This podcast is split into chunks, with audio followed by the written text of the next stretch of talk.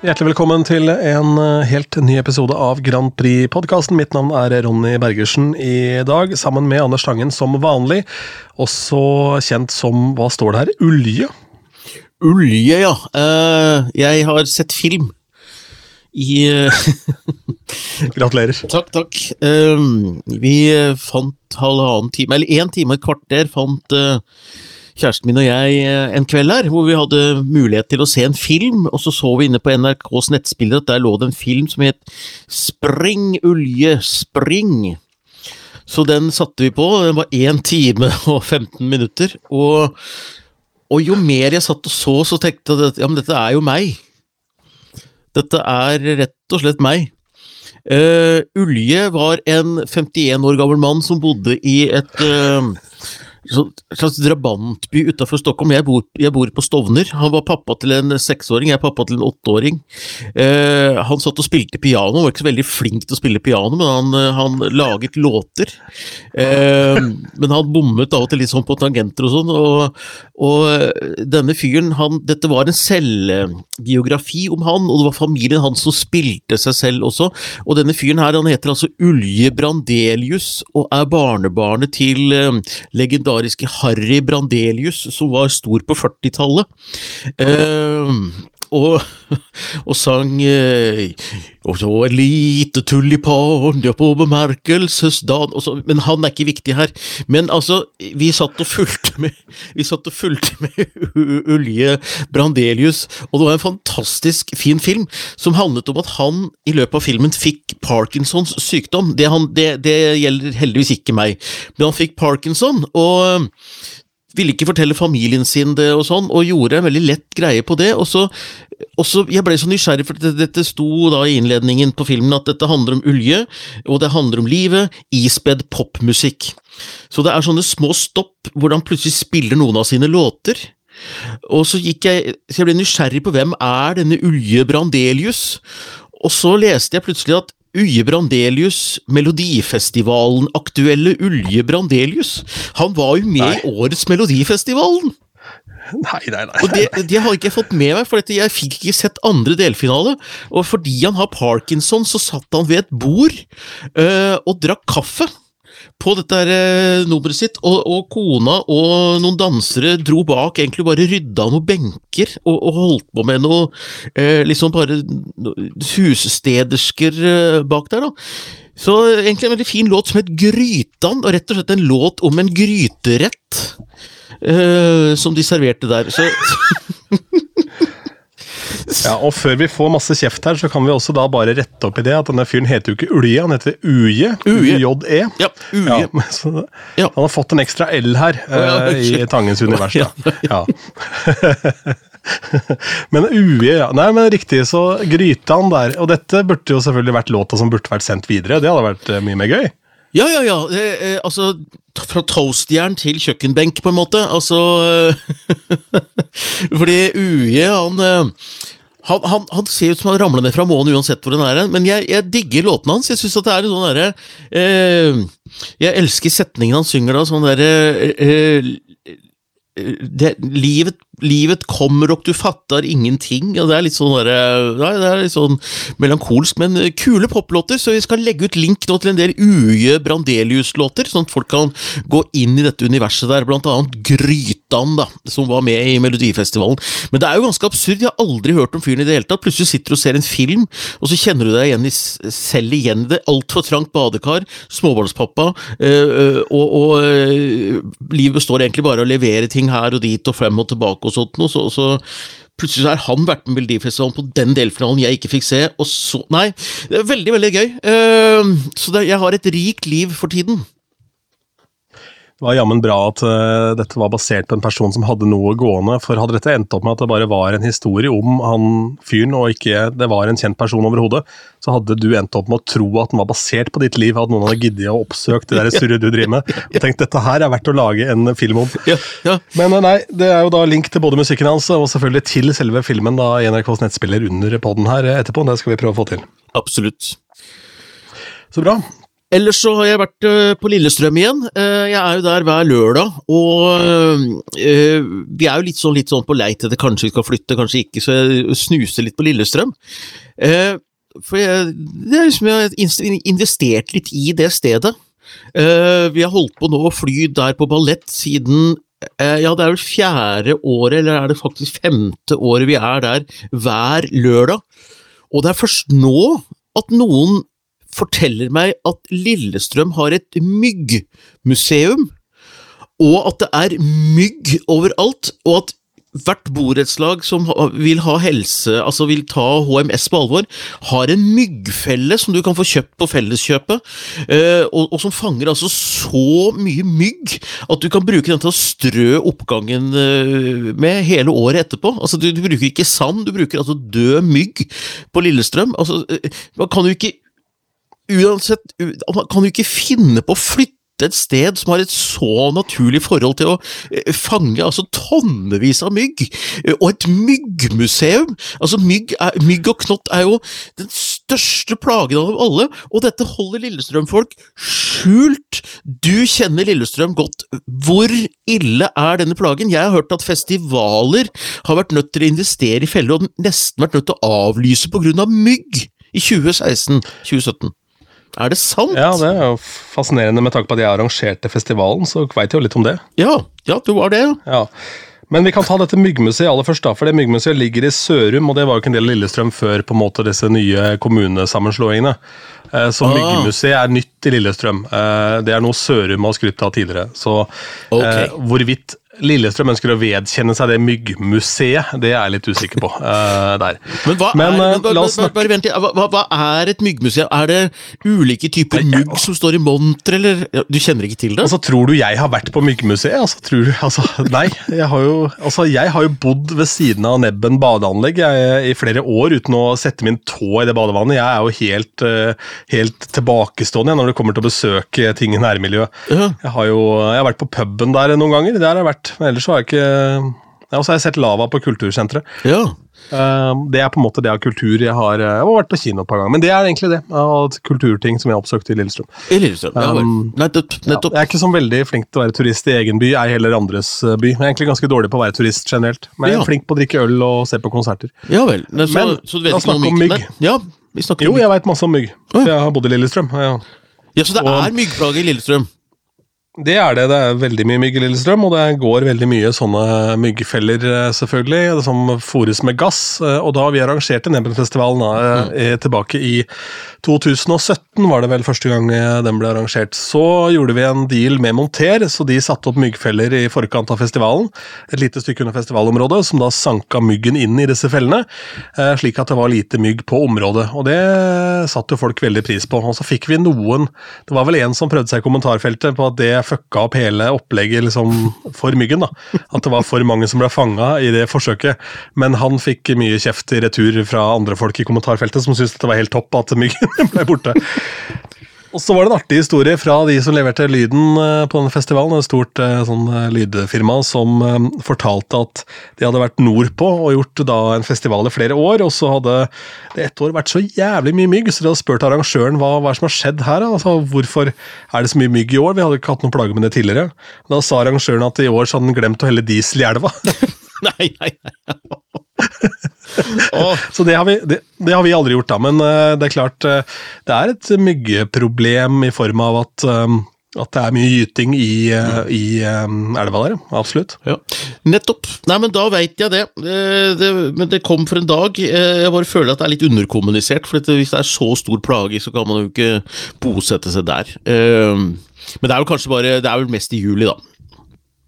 Ja, det er vel det, og så hanskes vel folk med de plagene med å sette opp de smyggfellene. da, ikke sant? Du som er en racer på teknologi og den type ting, du hadde jo garantert fått en sånn felle du også. så han sikkert klarte å plassere den feil sted, og så ble det enda mer mygg enn hva det skulle være. Men altså, i hvert fall. Altså, Ja, Kong da Midas havner i myggen hos. Tangen og ikke hos naboen, da. Det er hyggelig for, for naboen. Sånn reversfelle. Altså, Ja, snudd, snudd fella på revers. spyr ut. Det er sånn vindmaskin som bare spyr ut mugg til naboen. Nei, men virka de fellene? Altså, så det, det, det finnes effektive feller? Ja, det, det gjør det, men det er klart du må jo, du må jo eh, Dette er jo en sånn long eh, altså, Hva skal vi si? Det er jo en sånn en long road, så du må jo sette opp fella i god tid i forveien.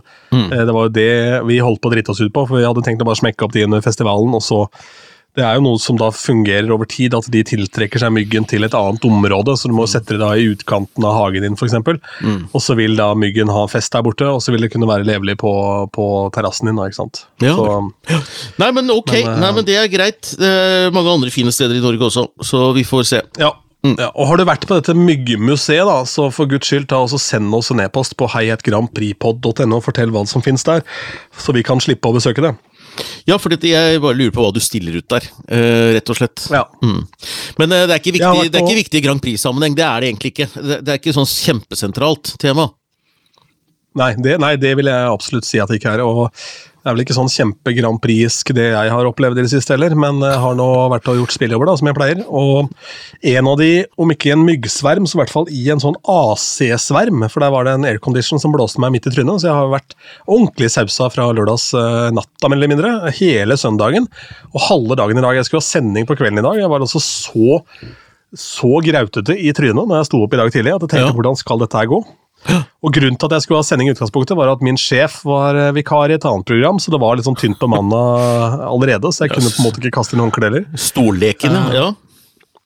Men jeg kom nå til hektene. Men eh, bortsett fra, fra det, så var det på denne spillejammen litt artig, for det satt to jenter, sånn jeg vil tippe 21-22 år, og kikka liksom litt på meg, da. eh, Og sånn i løpet av kvelden der. Og da tenkte jeg i mitt stille sinn at de eh, kikka på meg og snakka dritt om meg, da. Eller ikke snakka dritt om meg, men altså hadde Kanskje syntes at capsen min ikke var noe fin.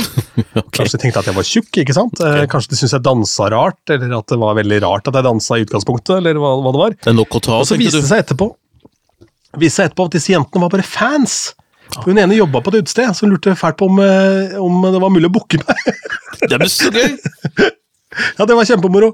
Så, men jeg eh, ble, tok meg sjøl i da å være mest mulig negativ tankegang. For jeg Ja. kikka liksom opp, og så så jeg de kikka på meg og snakka sammen. Så tenkte jeg jøss i alle dager, det var jo voldsomt. Ja, Så du var på en måte på audition uten å vite det?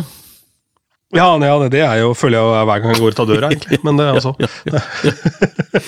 ja det er, så du har fans, ja. Så bra. Eh, det koselig, da. Eh, jeg- ble det noe jobb på deg, da? Har de booka deg? Ja, ok, Jeg ga de kortet mitt, fordi ja. det, er, det er for langt fra der hvor de som er gjester står, til eh, der hvor jeg står bak masse miksebord og dritt. Ah, ja. Så jeg hører aldri hva de sier. Så Vanligvis er DJ veldig misfornøyd med å få en mobiltelefon i trynet. Spill den her. Mens jeg liker det veldig godt, for da slipper jeg å brøle fram og tilbake, og så gir jeg tommel opp eller ned, eller sånn, ja, hei hvor det går. Um, og det er nesten eneste måte å kommunisere på, for jeg har ikke sjans til å høre hva de sier, for jeg har en høyttaler midt i trynet, og så, ja, med mindre de brøler de også, det, blir, det ser veldig rart ut da. Ja, det er sånn, det. Ja. Ja. Men nei, de har i hvert fall fått kortet, så får vi se om jeg får en mail etter hvert, og da skal vi selvfølgelig følge opp det her da, og se hvordan det blir. Spennende. Jeg eh, skal jo på fest, jeg også, i Liverpool, vet du. DJ-fest. Jeg jeg skal jo til Liverpool på Eurovision, og da, i dag fikk jeg programmet for Euroclub. Det er jo eh, Kult. fest hver kveld, og eh, det starter da på fredag 5. med ABBA Revival Tribute Band, og så er det eh, søndag 7. Da er ikke jeg der, da, men eh, da er det Keiino, eh, blant annet. Og så er det 8. mai, Lindsay Dakas Joker Out. Joker Out er de som er med, de er med i årets Eurovision. Uh, 9. mai, Linda Martin vant, uh, vant Eurovision tidligere. Ja. Uh, ja kjent. Uh, så er det av eh, han Johnny Logan. Av, eh, Johnny Logan, er vel. Ja. Mm. Stemmer det. Så er det um, eh, Conchita Wurst. eh, 10. mai. 11. kommer disse gærne tvillingene uh, Jetwood, blant annet, og Charlotte Pirelli 12. mai, og 13. mai er det Final Night. Det kommer flere, altså, da, men det, det var liksom uh, Og Euroclub i Liverpool blir jo viktigere enn det har vært, fordi i år er det ny ordning i Eurovision. Altså Prøvene er i år stengt for pressen og fans og alle, egentlig. Så første gangen pressen og fans får se noe som helst, det er egentlig generalprøva, og som også er juryfinalen dagen før semifinalen. Så det er eh, Vi er vant til at det har vært prøver, og så etter første prøve så har det vært en pressekonferanse med artistene, eller sånn meet and greet og sånt. Så i år blir det ikke i arenaen etter prøvene, men det blir egentlig opp til artistene selv å arrangere dette her på Euroclub. da. Eh, og, sånn. og jeg eh, er nå egentlig mer eller mindre i boks. Jeg kan ikke si for mye om det, fordi det da tilfelle noen i Alessandras team hører på dette her, men jeg er i boks med en liten overraskelse til Alessandra på en av dagene, eh, litt i samarbeid med NRK. Så det, det gleder jeg meg til. Det skal vi ta en liten uh, seanse, da. Uh, en dag, mens jeg er i Vi skal ta en seanse en dag, NRK og jeg overfor Alessandra, sa Anders Tangen skal vi se, 20. mars. ja. Nei, men Det er bare å glede seg. Det er Seanse, kalte han det.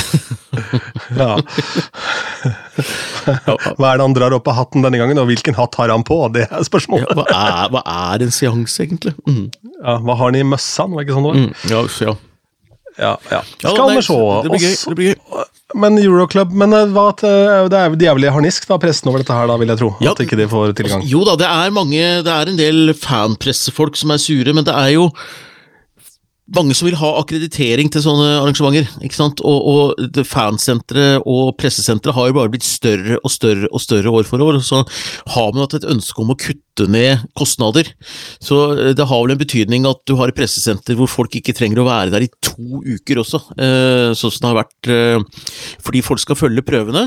Pluss at jeg må jo si at er liksom det eneste spennende fra et Eurovision-sted å se på en som sitter sånn som du og jeg sitter her nå og ser på hverandre, og har livestream seks timer og forteller om hva de ser fra en prøve. Altså, Er det egentlig kjempegodt stoff, eller kan de gå litt rundt med et videokamera og filme litt rundt i byen og snakke med artister på andre arenaer, snakke med dem på Euroclub og lage intervjuer og sånt noe? Jeg syns jo det er vel så spennende, så jeg håper at eh, folk ikke holder seg hjemme, men at de er litt mer kreative i forhold til hva de, hva de finner på dekket. da, pluss at Jeg tror at i år vet du hva, i år tror jeg oddsen kommer til å slite mer med å vite hvem som vinner. fordi eh, Før så har du hatt to uker til å se prøvene, og så ser du at den prøven kommer til å bli dritbra, så veit du på forhånd hvem som vinner. Men i år eh, får jo ikke så mange sett prøvene, så jeg tror det blir mer spennende, faktisk. Så um, jeg er for, men jeg venter med juling da, fra fanpressen, selvfølgelig. Altså, for nyordningen. For det er jo ikke, det er jo ikke Ja. normalt at du skal sitte og se på prøver. Altså, eh, eh, Rammstein-konserten altså Det er ikke sånn at eh, jeg er sur fordi jeg ikke fikk se dem øve. Nei, fordi da kunne du ikke hørt på Stumpa først. For da hadde det liksom fremstått veldig rart, for det var ikke så mange andre der. Nei.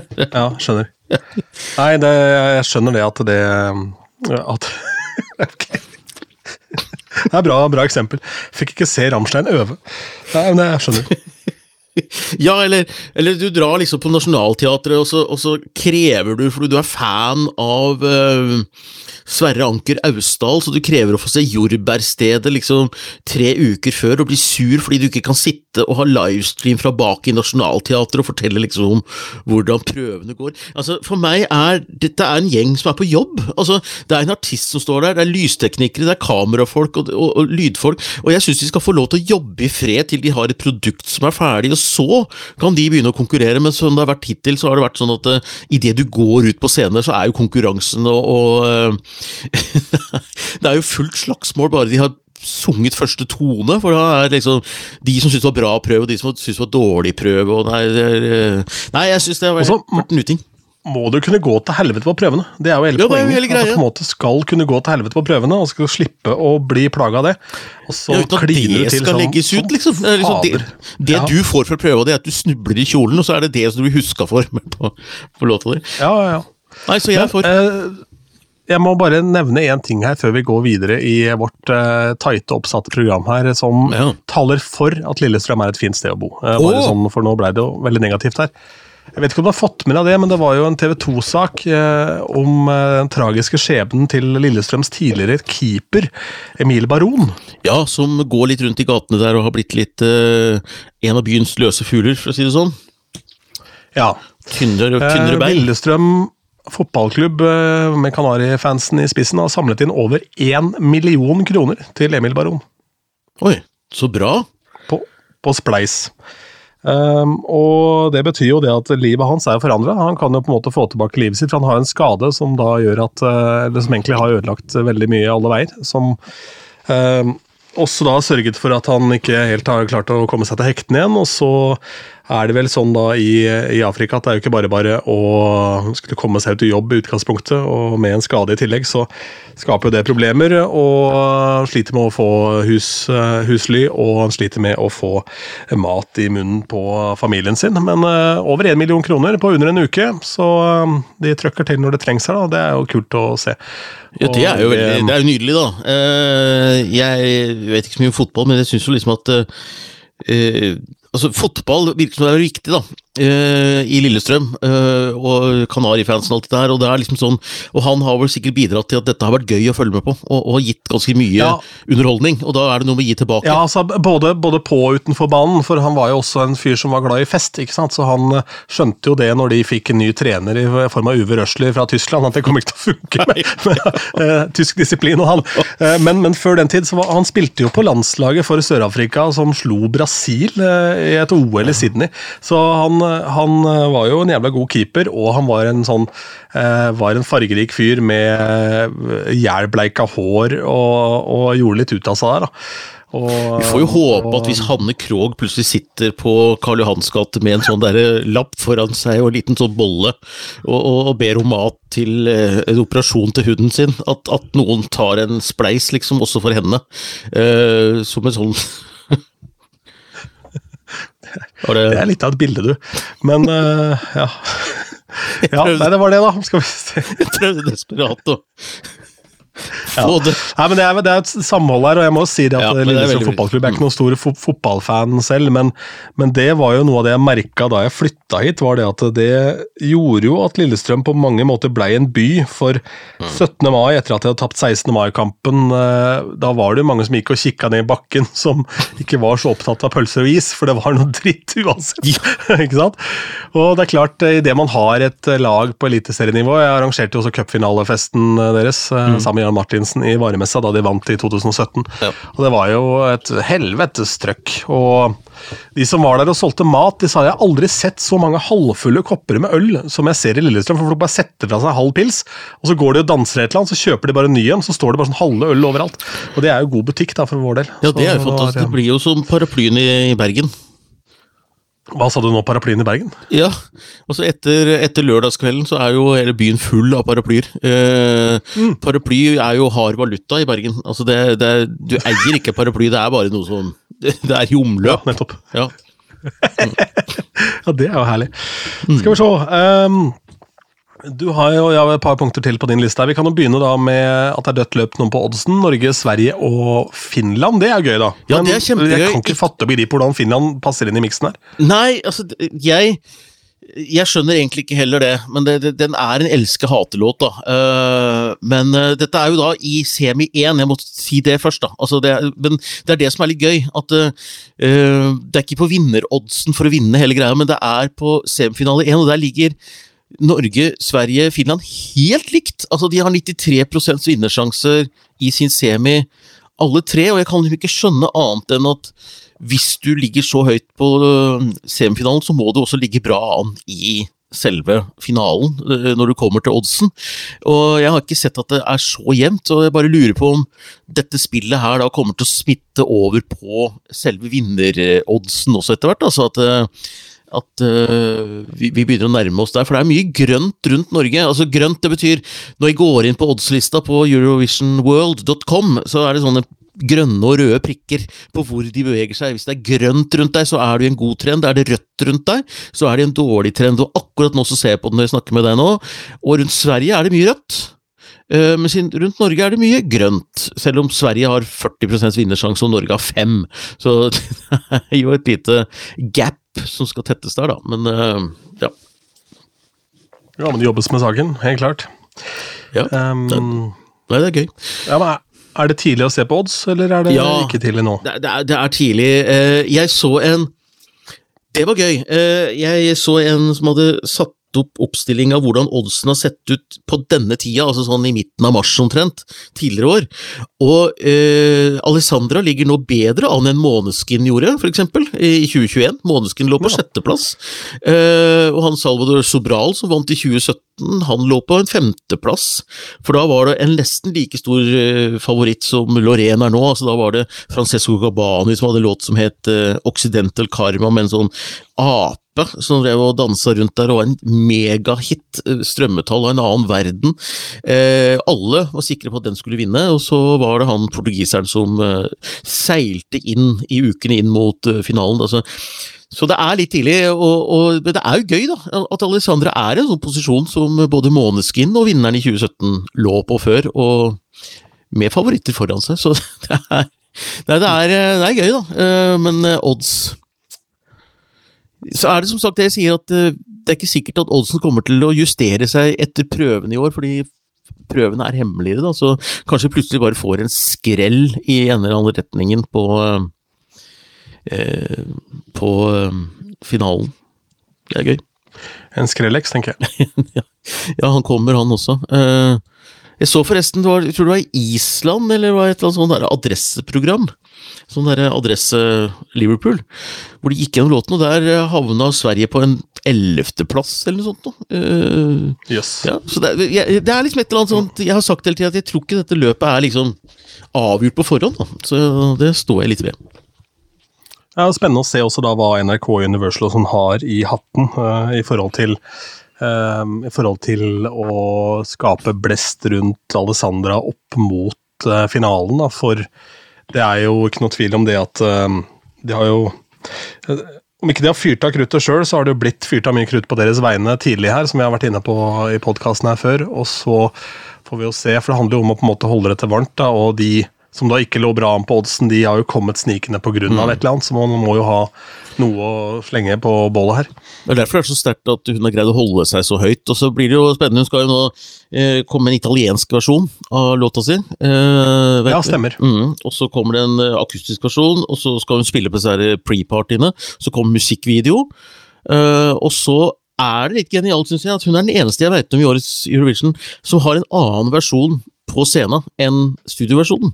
Sånn at eh, For mange så vil denne åpningen som er sånn italiensk, sånn operaaktig eller klassisk, eh, den er jo kun live. Eh, så låta framstår litt annerledes live bare i form av den enn eh, i studioversjonen. Så det er et ganske smart trekk, men du har ennå 15 sekunder å gjøre noe annet på, så så kanskje det Mm. kommer inn et kosedyr der. Jeg har på om det kanskje kunne komme et gedigent kosedyr mot slutten der. En slags eh, bamse eller en eh, Jeg vet ikke, Jeg tror det at det er eller husholdningsartikler som er greia i år. Ja.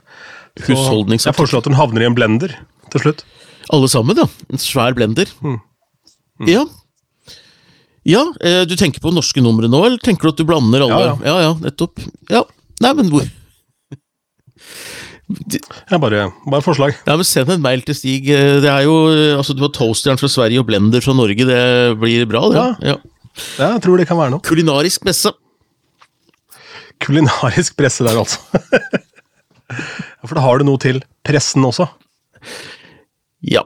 Det, jeg, vi, Ja, som, men, vi som eh, trodde fanpressen var eh, altså, At det var presse, eh, altså journalister, men fanpressen er jo selvfølgelig Lorens presse som ligger inni. Nei. Ja. nei, nei, nei, nei, Husker du klippet fra Kvartfestivalen hvor eh, hvor Kristoffer Schou serverte, serverte Fuck for Forest? smoothie? Nei, unnskyld. Nei, det var noe helt annet. Det var ikke han som serverte, forresten. Det var noen andre som serverte mens han spilte noe musikk. um, men nei, det var jo da de var der med Excel, eh, og så eh, hadde de en eh, hadde de en snøfreser på scenen, og så delte de ut eh, plastkopper til publikum. Og så kasta de appelsiner inn i snøfreseren, og så fikk de da smoothie ut i andre enden. Jo, det var et veldig fint bilde. eh, hvor folk sto i sånne regnponchoer uten at det regna. Sola skinte i Kristiansand.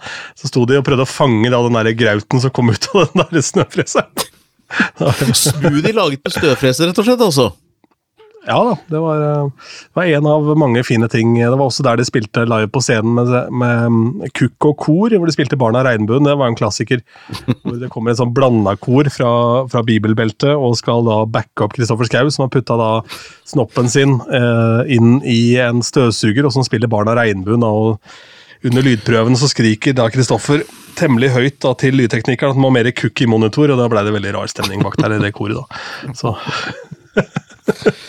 Å, showbiz, altså. Det er veldig gøy. Det er jo egentlig de gamle gutta Falsk Mathisen var jo tidlig ute med dette her, eh, men eh, de har jo, eh, har jo fortsatt Bløtkaker i trynet på publikum er jo fortsatt gøy, liksom. Ja, ja, ja. Hva er han heter han der komikeren borte i USA? Han Gallagher, som driver og knuser meloner med, med, slegge. Det er jo en greie, det. Så, ja da, det er og jeg holdt på å si hvorfor ikke, og så, så merker jeg at det er et dumt spørsmål, for det er mange grunner til det. Uh, det, det, er ikke åpenbart. Det, er det, det store spørsmålet er jo hvorfor. Det er jo egentlig ja, det er greia, men det er jo også. Men skal vi se, uh, det har jo kommet en skattemelding nå. Ja. Jeg har da jeg har da ikke orka å åpne min enda, jeg skal ta den etter hvert. Og den er jo noe komplisert, og i og med at jeg har dette, dette foretaket mitt. Og det har vel egentlig du også, men ja, det det. du har da ifølge deg selv Dette er jo noe jeg har forsøkt å si i mange år, men jeg, du har fått en baksmell på skatten for penger du ikke kan huske å ha sett. ja, det er helt utrolig. Jeg, jeg, jeg, i år har jeg vært så god, og jeg har vært og sjekka fordi at jeg har fått meg en sånn daytime-jobb. Stort sett henter jeg lønn derfra. Altså, så tar jeg ut bitte grann fra selskapet, sånn bare for å skjøte på litt av og til. Og, og jeg sjekker dritnøye, går inn på skatteetaten for å sjekke at skattekortet mitt, at jeg har betalt riktig skatt i forhold til det du har fått utbetalt og sånt. Og så fikk jeg altså en skattesmell på 110 000 kroner. Eh, Og, det, og jeg, Da er det bare å ringe regnskapsføreren og si hva, hva, hva, er dette her for noe? Det kan jo ikke stemme, dette her. Det står, står at det er noe utbytte, eh, pluss at noe sånn oppjustert utbytte. Jeg har ikke tatt ut noe utbytte. Nei, det var det jeg, jeg har visst vært litt rotete fra 2014 og fram til nå, så det har akkumulert altså Det har liksom lagt seg oppå hverandre med noen sånne kjøp som ikke er på en måte skatta av, eller altså det er ikke tatt Det har ikke vært meningen din, så rett skal være rett. Så det er det stemte, dette her, altså. Men det, det var bare det, det har vært over så mange år, og når det da ligger og akkumuleres så ikke har blitt betalt skatt for, så kan du risikere straffeskatt etter hvert. Så det stemte jo, men, men det er jo ikke penger jeg liksom Det er ikke penger jeg føler jeg har fått i lønn, eller henta ut på noe slags vis, og noen er liksom blitt en ordentlig mann med fast jobb og bare litt ved siden av. Da skulle dette her komme, liksom! Kunne ikke regnskapsføreren ha sagt ifra litt før? Ja, det er det jeg skulle til å si, for en ny regnskapsfører er det lov å ønske seg til bursdagen sin, Tangen. For ja, det, det, der det går jo ikke an. For det er jo lov å komme med noen sånne eh, varsellamper underveis, er det ikke det? Ja, for Regnskapsføreren min har jo nå ringt meg i to dager eh, da jeg ligger under the weather, eh, og sendt meg et par mailer. For eh, jeg måtte betale noe arbeidsgiveravgift og noe ja. greier her på dette firmaet. Det. det. er jo sånn regnskapsføreren din skal funke. Det skal jo mase og kjase noe jævlig. Ja. Og så får du jo en regning for masinga og kjasinga, men det tjener du jo på i andre enden. At det tar ti år ti år før du får beskjed om at du, det greiene du kjøpte, det akkumulert litt over åra. Det ble 110 000. Hva var det for noe? En, en juspress og toastjern? Ja, det er liksom så, altså det, åh, Jeg ble så sur, for nå hadde jeg liksom alt under kontroll. Så, men, men, ok, jeg skal betale det. Jeg skal prøve å være like blid, men det er litt sånn derre Der røyk jo den bufferkontoen, for å si det sånn. Ja. ja. ja, ja, bra det var så billig tur til Liverpool, da. Ja, ja, men jeg har funnet en, jeg har funnet en lur måte å spare på. Her er Tangens økonomitriks. Når du da har fått en sånn For jeg må jo da bare nedprioritere en del andre ting. Så jeg må bare Jeg har lært meg liksom en femtilapp er penger, det, og en tier er penger, det òg, ikke sant. Så hver gang jeg får en impuls nå til å kjøpe en pølse eller en kaffe på en kaffebar som jeg egentlig ikke trenger, men det er bare en impuls jeg kjenner, så stopper jeg impulsen. Så tenker jeg at ok, her sparte jeg 45 kroner. Så putter jeg, går jeg inn i appen på banken min, på mobilbank, og så putter jeg en 45 kroner inn på den sparekontoen jeg nå har opprettet for å spare til den skatten. Så jeg putter inn sånne småsummer absolutt hele tida, hver gang jeg har en impuls som jeg ikke følger. Er ikke det bra sparetriks, eller? Du, Det er helt fantastisk. Det høres ut som hvordan jeg klarte å bli kvitt masse restskatt for noen år tilbake. Og så flytta jeg inn sammen med en type som du kjenner også, i et hus i Lillestrøm. Uh, jeg trenger ikke å si noe mer om det. Men uh, det, og etter det så ble jeg påvirka av, uh, av, mine um, omgivelser. Og etter det så måtte jeg få rydda opp i ting og starte dette AS-et og rett og slett få, få hjelp av en voksen i form av Skjemasatan, Erik som han heter, som er adender i det nye Eh, eller han er en business manager for, for, meg nå, og um, det er veldig deilig, for da har du noen som maser og kjaser. Ja, og som er, pass på hele greia, liksom. Er, opptatt av den biten der. som liker den slags. Men jeg eh, må jo finne, finne sånn snikskryt fra min far her også. Egentlig så var det vel i og for seg ikke snikskryt heller, For for i hvert fall så var de som var til stede, var jo klar over at han hadde tjent mye penger opp igjennom. Så um, det var ikke noe vits å fortelle oss det på nytt. Men han fortalte det at han akkurat blitt pensjonist, og så hadde han fått da fått da, fra skatteetaten at han var estimert at han skulle betale da 920 000 kroner i skatt i tillegg til pensjon. nei, nei, nei. For det var basert på tre år gamle tall, og da hadde han jo, hadde han jo lite varelager ikke sant? det ja. året, tydeligvis, da, for han drev for seg sjøl. Eh, og da hadde han jo hatt flere millioner i lønn det året, ikke sant. Så han syntes det var litt i overkant, da, med tanke på at han nå var pensjonist og hadde én jobb i snitt i måneden. ja, jeg, jeg det, det, er litt sånn han og meg. Jeg føler meg litt miniutgave av det samme. Altså, nå skulle jeg liksom, Det er som å ha vært og spist et godt måltid i 2015, og så får du faktura fra restauranten nå etter ti år. Eh, hvis ikke har greid å somle seg til å ta betalt før, så får du ta det nå. Ja, det var, ja, ja. ja, Du kan jo prøve deg på den hvis Tore Strømøy banker på døra. Tore Strømøy? Ja. Hvorfor i all verden skulle Tore Strømøy Hæ? Han Hadde sånt program på NRK hvor det var noen som oppsøkte familien sin. Ja. Som ikke har sett. 'Pappa, du har en sønn'. altså. Jeg trodde du mente at Tore Strømøy var en slags torpedo som kommer og krever Ja, det. Oi, nei, det mente jeg ikke at Tore Strømøy var torpedo. Men det var sånn, ja. Nei, det var ikke han heller. Nei, men uh, uansett, da. Skal vi si det er bra nå, eller? Jeg tror det er greit nå. Jeg tror dette er fint, ja. Det, var, det, er litt sånn mellom, mellommjølk. Vi venter liksom på at uh, ting skal komme i gang med fester og moro og artistene og sånt noe. Uh, men jeg skal kose meg når jeg skal dukke ned i katalogen til Uje Brandelius. Det kan jo også lytterne våre gjøre, for det er jo link under her. Jeg må også bare nevne at jeg møtte Stig Karlsen i passkontrollen på vei hjem fra Jeg hadde vært i Manchester og sett uh, Tubulu Bells uh, live her i forrige uke. Ja. Uh, og da ramla jeg over Stig Karlsen, som kom fra Liverpool. Så um, han så ut til å være i fin form, så jeg tror det Og det vi har sett på sosiale medier, så har de jo jobba der borte, så det blir spennende å se. Nå er de i gang. Ja, da begynner de å rigge scene om en ukes tid, tenker jeg. Så uh, da er de i gang. med hadde du myggfelle da du bodde i det huset sammen med han andre fyren på Lillestrøm? Det hadde vi, vet du. Ja, ok.